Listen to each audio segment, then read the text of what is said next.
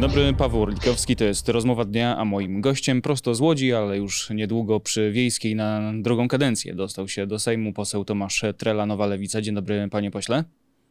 Dzień dobry panu, dzień dobry państwu. Panie pośle, no, y, jakieś przecieki pierwsze dotyczące umowy koalicyjnej i właśnie kontrolowane, niekontrolowane, prawdziwe, nieprawdziwe. Co z tej umowy koalicyjnej, co przedostaje się do mediów jest prawdą? Oj, e, nie mogę za dużo e, powiedzieć, natomiast gdybym tak to e, prze, przez sito przerzucał, to tak gdzieś 15-20% pewnie jest prawdziwe, 80% jest pewnie nieprawdziwe, ale dajmy czas, dajmy liderom ugrupowań politycznych, komitetów politycznych ogłosić te kluczowe i najbardziej istotne zapisy umowy koalicyjnej, ale przecież nie zdradzę tajemnicy, gdy powiem, że dla wszystkich ugrupowań koalicyjnych przywrócenie w Polsce praworządności jest sprawą oczywistą. Nie zdradzę tajemnicy, gdy powiem, że sięgnięcie po pieniądze z Unii Europejskiej w ramach Krajowego Planu Odbudowy to jest sprawa priorytetowa. To są takie elementy, które są oczywiste, ale w tej umowie koalicyjnej będą jeszcze takie obszarowe zagadnienia, którymi będziemy się zajmować, które będą interesujące i to będą poszczególne elementy z e, programów poszczególnych ugrupowań politycznych.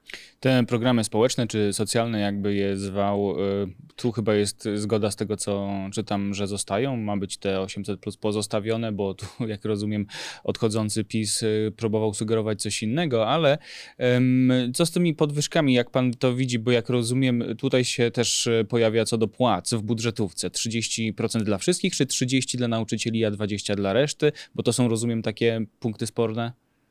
To znaczy, to nie są punkty sporne, bo ja osobiście chciałbym, żeby w sferze budżetowej podwyżki były możliwie duże, bo wiemy, że ta sfera jest pozostawiona sama sobie i tam ludzie zarabiają naprawdę marne pieniądze i uciekają z administracji rządowej do innych e, instytucji. Natomiast myśmy jako lewica mówili w kampanii wyborczej o podwyżkach 20%.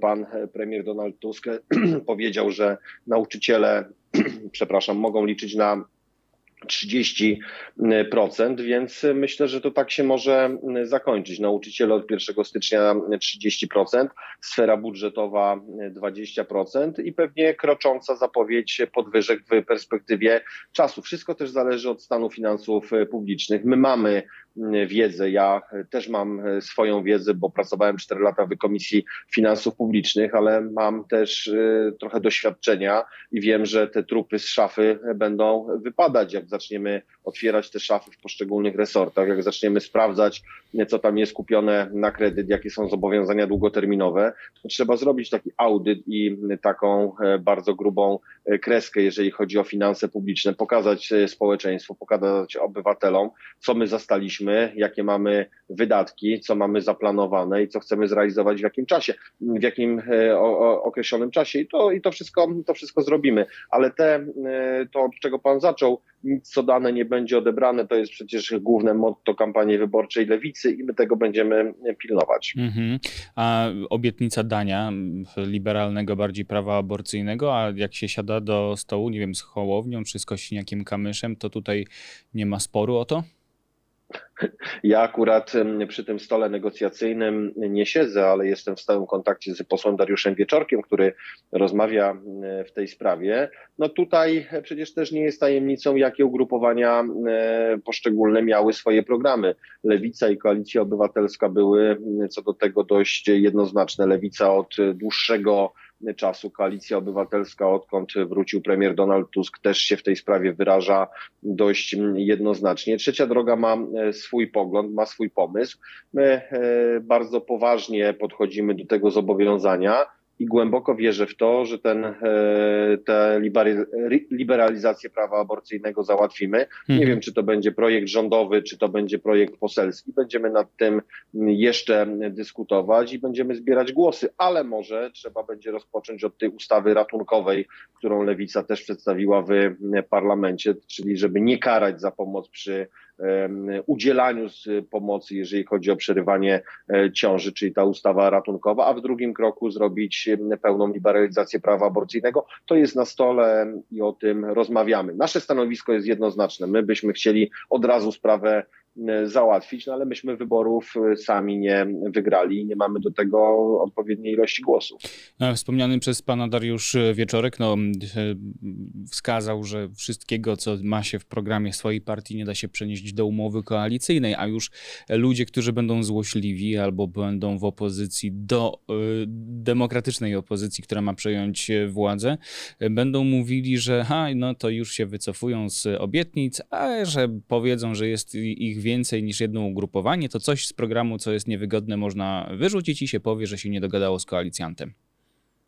No, wie pan, no, to będzie święte prawo opozycji e, i Prawo i Sprawiedliwość e, jako opozycja na pewno będą o tym mówić. Natomiast dla nas najistotniejsze jest realizowanie po, krok po kroku naszych postulatów. Mówię naszych w sensie lewicowych i naszych w sensie tej dużej koalicji. Natomiast jeszcze raz podkreślę, dla lewicy, osobiście dla mnie, przerywanie ciąży do 12 tygodnia jest sprawą jasną, jest sprawą klarowną i ja bym chciał, żeby takie prawo funkcjonowało i obowiązywało i może w trakcie rozmów i może w trakcie trwania kadencji parlamentarnej okaże się, że w trzeciej drodze są polityczki, są politycy, dla których też to nie stanowi przeszkodą. Mamy 248 głosów, 231 jest potrzebne do uchwalenia takiej ustawy. To jest 17 głosów zapasu i może ta część konserwatywna z trzeciej drogi nie zagłosować, a mimo tego 231 głosów się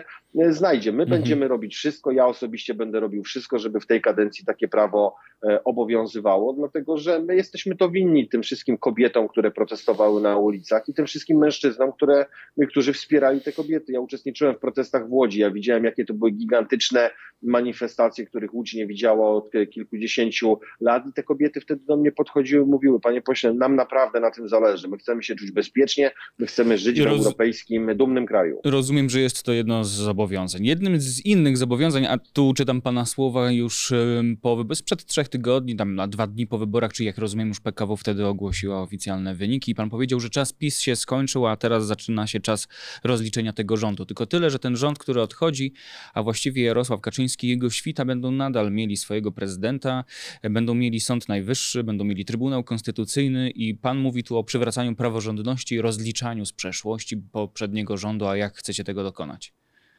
Znaczy wie pan, no, y, kwestie fundamentalne i kwestie ustawowe to jest oczywiście jedno. Ja będę bardzo e, ochoczo patrzył na poczynania pana prezydenta Dudy, czy on będzie tak chętnie wetował wszystkie propozycje e, poprawy praworządności, usprawnienia systemu praworządności, dlatego że najpierw trzeba przywrócić praworządność, a później trzeba ją jeszcze usprawniać i to jest proces e, ciągły. Natomiast jeżeli chodzi o rozliczenia i to, co pan cytuje, no to tutaj do tego nam nie jest potrzebny specjalnie pan prezydent e, Duda, żaden trybunał, dlatego że prokuratura, kiedy będzie niezależna, sąd mamy niezawisły, to prokurator będzie decydował, czy dane czyny czy dane decyzje mają znamiona przestępstwa i przekroczenia uprawnień. Ja sobie wyobrażam, że jak e, dana instytucja złoży doniesienie do prokuratury, to prokurator nie tak jak przez ostatnie 8 lat schowa to do dolnej szuflady, bo zobaczy, że to jest niewygodne, tylko prokuratura e, rozpocznie swoje działania. Ja posłużę się jednym przykładem, bo ja nie jestem wyrocznią, nie chcę być wyrocznią, ale namacalny i jednoznaczny przykład, kiedy pan ówczesny wicepremier premier Jacek Sasin złamał przepisy prawa, bo zlecił i polecił drukowanie całych pakietów do wyborów kopertowych, to jest niezgodne z przepisami prawa. I to każdy prawnik, nawet ten początkujący, powie, że to było przekroczenie uprawnień. I prokurator będzie takie czynności realizował. Ja złożyłem dwa doniesienia do prokuratury i prokurator stwierdził, że nie widzi przekroczenia uprawnień. Ja mówię o takim rozliczeniu. Mm -hmm. To mhm. jest jedno rozliczenie, które jest rozliczeniem takim faktycznym poprzez instytucje, ale ja też nie wyobrażam wyobrażam sobie, żeby w tej nowej kadencji Sejmu nie powstała co najmniej jedna komisja śledcza, która będzie upubliczniała i która będzie na oczach wszystkich obywateli przesłuchiwała czy pytała, tych wszystkich dżentelmenów z popękanej prawicy odnośnie poszczególnych spraw, bo to jest jedno rozliczenie publiczne, a drugie rozliczenie takie prawnokarne. A pan siebie widzi e, w tym nowym Sejmie, właśnie w takiej komisji? Właśnie trochę rzadziej może w tym pięknym łódzkim e, biurze poselskim, a częściej przy Wiejskiej albo po prostu w Warszawie. Ja tu oglądam zdjęcia w weekend, rozumiem wczoraj ja bym... koszykówka, czyli rodzinne granie te, to granie parlamentarne to też tak. jest czasami taka rozgrywka. Pan by się widział jako właśnie jak, na jakiej pozycji w, tym, w tej nowej rzeczywistości parlamentarnej? Znaczy, ja wie pan, nie ukrywam, że ja bym chciał dalej pracować w parlamencie. Oczywiście takie dyskusje personalne są jeszcze przed nami. Natomiast nie ukrywam, że gdybym dostał propozycję, żeby e, wejść w skład takiej komisji śledczej, która ma e, okazję, ma możliwość, ma e, weryfikować te poczynania Prawa i Sprawiedliwości, to chętnie bym się temu przyjrzał, dlatego że mam taką determinację i chęć, żeby pokazać opinii publicznej, co oni robili. Zresztą to jest też wyzwanie od wyborców. Ja robiąc kampanię w Łodzi, ale odwiedzając też swoje koleżanki, kolegów w innych częściach Polski słyszałem bardzo często. Wygrajcie wybory, realizujcie wasze postulaty, ale pamiętajcie, nie możecie im odpuścić, pamiętajcie, nie możecie zamieść wszystkiego pod dywan, pamiętajcie, nie może być żadnej grubej kreski. My oczekujemy, że oni za to wszystko będą rozliczeni. Mhm. I my musimy to oczekiwanie spełnić, bo to jest nasze zobowiązanie też z kampanii wyborczej i to jest oczekiwanie obywateli. Panie pośle, to jeszcze dwa wątki, zanim e, dobrniemy do końca. Mm, będę chciał e, poruszyć jeszcze oczywiście kwestie związane z mediami na koniec, ale teraz jeszcze, bo to posiedzenie już za tydzień pierwsze nowego Sejmu, już dziesiątej e, kadencji. Prezydent Andrzej Duda, pana zdaniem, na czyje ręce złoży to prowadzenie nowego rządu? Będzie to Morawiecki, czy, czy od razu Tusk, bo już policzyli, że, że no nie uzyska wotum zaufania, więc nie będą chcieli tego przeciągać, czy jednak to przeciąganie liny gdzieś tam do drugiej połowy grudnia będzie? Czy patrząc na 8,5 lat y, działania pana prezydenta Dudy, y, taki rozsądek i analiza polityczna pokazuje, że pan prezydent zrobi jednak to, co jego zaplecze polityczne chce, czyli powierzy misję tworzenia rządu panu Morawieckiemu i tak naprawdę skompromituje się wtedy i Andrzej Duda, i Mateusz Morawiecki. Natomiast mhm. gdyby pan prezydent chciał y, odciąć się od swojego obozu, odciąć się od Jarosława Kaczyńskiego, to powinien zachować się może nawet pierwszy raz, czy może nawet drugi raz, jako tako, jak taki pełnokrwisty prezydent, zobaczyć, co dzieje się 13 listopada, zobaczyć, jakie będzie prezydium Sejmu, zobaczyć, kto będzie e, marszałkiem, zobaczyć, jaka jest większość, i w drugiej części dnia powinien powierzyć misję tworzenia rządu panu premierowi e, Tuskowi, dlatego że pan premier Tusk jest wskazany jako kandydat na premiera z trzech środowisk politycznych, które mają łącznie 248 głosów. Na ten moment, na dzisiaj, na tydzień przed tym posiedzeniem Sejmu uważam, że Andrzej Duda nie odetnie swojej politycznej pępowiny od Jarosława Kaczyńskiego, dlatego że tam jest jakaś dziwna więź i dziwne korelacje, nie wiem czym podszyte, że jednak Andrzej Duda ma e, bardzo wiele, do, czy bardzo wiele zawdzięcza Jarosławowi Kaczyńskiemu, bo to jego wystąpienie, gdzie, jest, gdzie mówi, że jest dwóch e, kandydatów na premiera, no jak może prezydent tak powiedzieć, skoro jeden kandydat ma 194 głosy, a, dwie, a drugi 248, a 231 jest potrzebne do wotum zaufania. No to jest naprawdę dla mnie niepojęte, więc jak pyta pan mnie, to ja jednoznacznie na tydzień przed tym pierwszym posiedzeniem Sejmu uważam, że Andrzej Duda zachowa się tak jak dotychczas, czyli będzie wspierał obóz popękanej prawicy. Mhm, pan Karnowski, dziennikarz bliski Prawu i Sprawiedliwości chyba.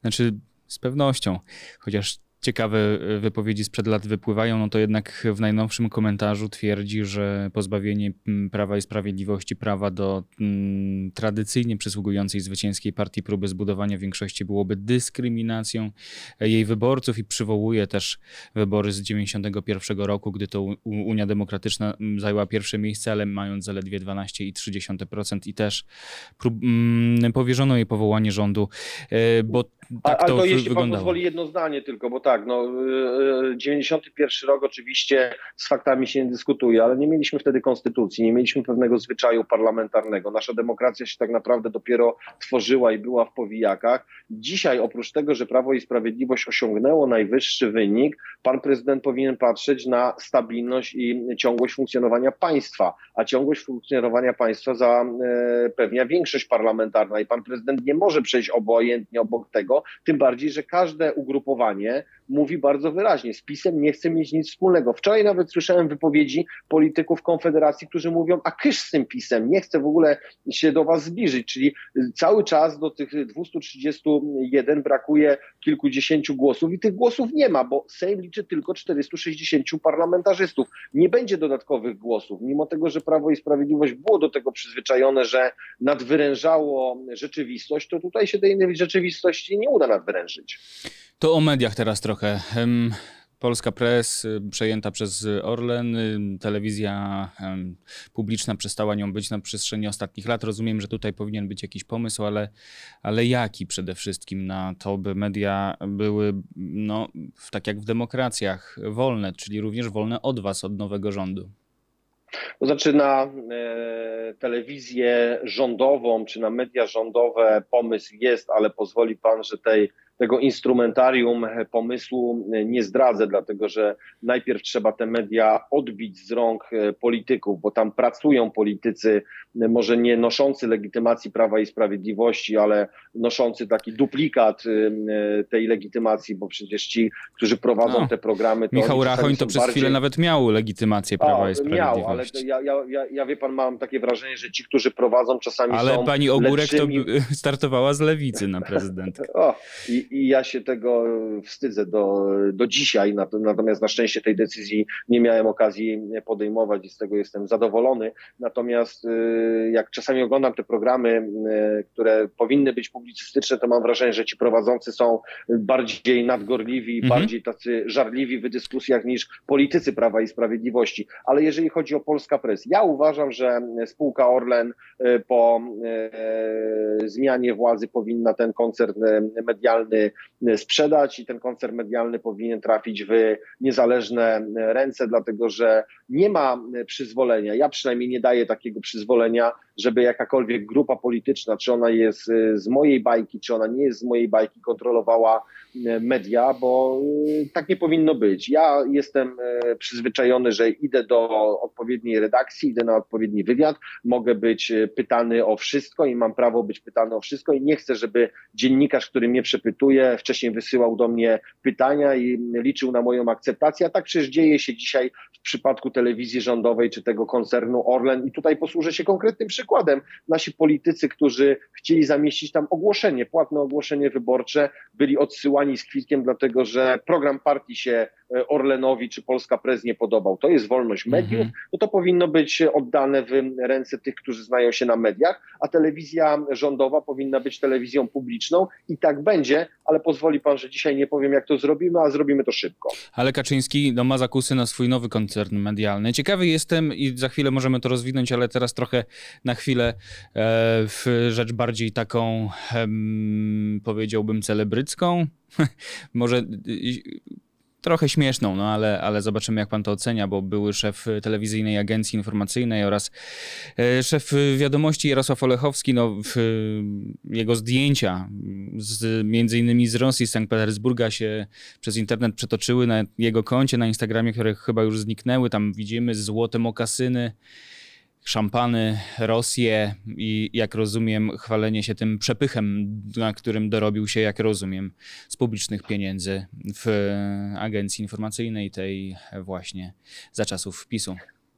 No nie jest tajemnicą, że ci, którzy są oddani, wierni Kaczyńskiemu i PiSowi zarabiają tam gigantyczne pieniądze. Nawet swego czasu w rozgłośni regionalnej w Łodzi ci para celebryci warszawscy przyjeżdżali, żeby prowadzić audycje i zarabiali z tego tytułu bardzo dużo pieniędzy. To wszystko trzeba ukrócić, to wszystko trzeba zlikwidować, krótko mówiąc, te, te praktyki, że jeden zarabia setki tysięcy, a drugi ledwo wiąże koniec z końcem. Natomiast takie zdjęcia wystawiają tylko świadectwo temu, kto je zamieszcza, który pokazuje, co wy mi zrobicie, a co wy mi możecie zrobić, jak ja mam tu polityczną ochronę. Ochrona 15 października się skończyła i takie praktyki nie będą miały miejsca, bo telewizja była rządzona przez różnych e, prezesów, ale to, co się dzieje teraz i to, na co pozwalają sobie ci e, pseudodziennikarze, nigdy nie e, miało miejsca i nigdy mieć już miejsca nie będzie. Więc mam złą informację dla tych wszystkich funkcjonariuszy czy przybudówkarzy Prawa i Sprawiedliwości. Wasz czas dobiega końca powinniście się pakować, bo w telewizji publicznej będą pracować dziennikarze, a nie polityczni pomagierzy. Ale co się nachapali, to ich pewnie nie jedno mieszkanie za to można kupić. Niestety. A niestety. E, tutaj co do Olechowskiego tylko oddam, że on tłumaczy, że to głupi kawał, który mu zrobiono, no ale e, tak to właśnie jest. Czyli mm, rozumiem, że pomysł na nowy parlament, pomysł na nowy rząd, pomysł na odpolitycznienie mediów jest, mimo że Jarosław Kaczyński zapowiada swój koncern, więc jak rozumiem, ci ja funkcjonariusze znajdą, rzeczy. mogą tam znaleźć miejsce. Tak. tylko o jednej rzeczy, bo, bo w zeszłym tygodniu e, apelowałem i wystąpiłem do pana premiera Morawieckiego żeby zakazał jakichkolwiek ruchów, e, szczególnie ruchów sprzedażowych, jeżeli chodzi o spółkę Orlen, bo nie jest tajemnicą, bo dochodzą do nas takie informacje, że jeszcze zarządów pana Obajtka, ta cały koncern medialny Polska Press może być sprzedany. Ja obawiam się, że on może być sprzedany za bezcen właśnie do jakichś ludzi związanych z Prawem i Sprawiedliwością, więc wystąpiłem do pana premiera Morawieckiego, żeby to sprawdził i żeby nie było takich sytuacji i mam e, w tym tym e, podkładkę i jeżeli Orlen to zrobi, to znów naruszy pewną, e, no taką elementarną przyzwoitość, o co ich też za bardzo no. nie posądzał, ale jednak taką elementarną e, przyzwoitość, bo po 15 werdykt wyborców jest jednoznaczny i nawet jeżeli Kaczyńskiemu śni się zbudowanie jakiegoś koncernu prawicowych mediów, to powinniśmy zrobić wszystko, żeby tego nie robił w oparciu o spółki Skarbu Państwa. Żeby utrzymywał się też jak koncerny prywatne z prywatnych, y, no, no, no jak to biznesy, żeby, żeby to nie były publiczne pieniądze, bo jeśli mają potrzebę stworzenia sobie mm, mediów prawicowych, to na tym polega wolność i demokracja ale niech nie będzie to z pieniędzy podatników robione. Dokładnie tak. I, i tyle. No to ja się do takich apeli mogę oczywiście przyłączyć, by, by premier szanował taką kwestię, no ale to pan nazwał pana Obajtka nawet księciem, więc jak rozumiem, Księ... Wie, pan, książę... wie pan, nazwałem księciem, powiem panu dlaczego, dlatego że już wielokrotnie doświadczyłem, bo nawet w kampanii wyborczej byłem na kontroli poselskiej w spółce Orlen, jak pamięta pan te zamieszania z dystrybutorami, że tam były e, zepsute, były awarie. Mhm. Wtedy cały, cała wierchuszka Orlenu, z, jeden z wiceprezesów na czele zapewniała mnie, że tak naprawdę tu nic nadzwyczajnego się nie dzieje, że ceny paliw są ustabilizowane. No to ceny paliw są tak ustabilizowane, że drugiego października paliwo kosztowało 5,99, a dzisiaj paliwo kosztuje 6,70, 6,80 w zależności od stacji. To, są, to, to jest właśnie takie księstwo, które stworzył Obajtek pod parasolem Jarosława Kaczyńskiego. Kaczyński zadzwonił powiedział, Daniel, ja mam teraz taką prośbę, żebyś obniżył cenę paliwa, dlatego że jest kampania wyborcza i to nam może pomóc. Daniel Obajtek, bach a teraz Daniel, przegraliśmy wybory, to już rób co chcesz. I Daniel robi to, co chce, czyli cena jest 6,80. No 80 groszy w ciągu e, miesiąca, e, przy tym jak dostałem mhm. zapewnienie, że ceny są stabilne i nic nadzwyczajnego się nie wydarzy, no przyzna pan, że to jest e, daleko idąca niekompetencja, nieuczciwość i takie po prostu oszukiwanie i parlamentarzysty, który kontroluje, i obywateli, którzy każdego dnia tankują. Zastanawiam się, co by było mm, w przekazie, gdyby nie konflikt Izraela i Hamasu, bo to, jak rozumiem, zostało wykorzystane, a ciekawy jestem, gdyby nie to, to na co by zrzucano te podwyżki? No, wymyśliliby pewnie coś nowego. To prawda, to prawda, dlatego też y, jako dziennikarz, czy mogę może bardziej um, ogólnie dziennikarze, ale też obywatele by, chcielibyśmy, żeby ta praworządność, która jest tak obiecywana, żeby też była transparentna i żeby było móc, można łatwiej patrzeć tej władzy na ręce, tej nowej władzy, by też y, pilnować, żeby nie było takich zakusów jak te poprzednio, bo trudno też dopatrzyć się mm, nieprawidłowości, gdy są tak skrzętnie ukrywane, a potem w komunikatach no, mm, propagandowych dość e, jeszcze bardziej zagrzebywane i oby to była dobra zmiana. E, poseł swojej prywatnie drugiej, ale na Sejm dziesiątej kadencji Tomasz Trela był gościem e, rozmowy dnia Nowa Lewica. Dziękuję bardzo. Miłego dnia. Dziękuję. Ja nazywam się Paweł Orlikowski. Cały ten tydzień spędzimy ze sobą. Mam nadzieję, że będą Państwo mogli to w miarę znieść. Ja się na te spotkania cieszę, więc już y, serdecznie zapraszam. Zapraszam też do komentowania, do subskrybowania naszego kanału, do uczestniczenia w tych naszych rozmowach. Do zobaczenia.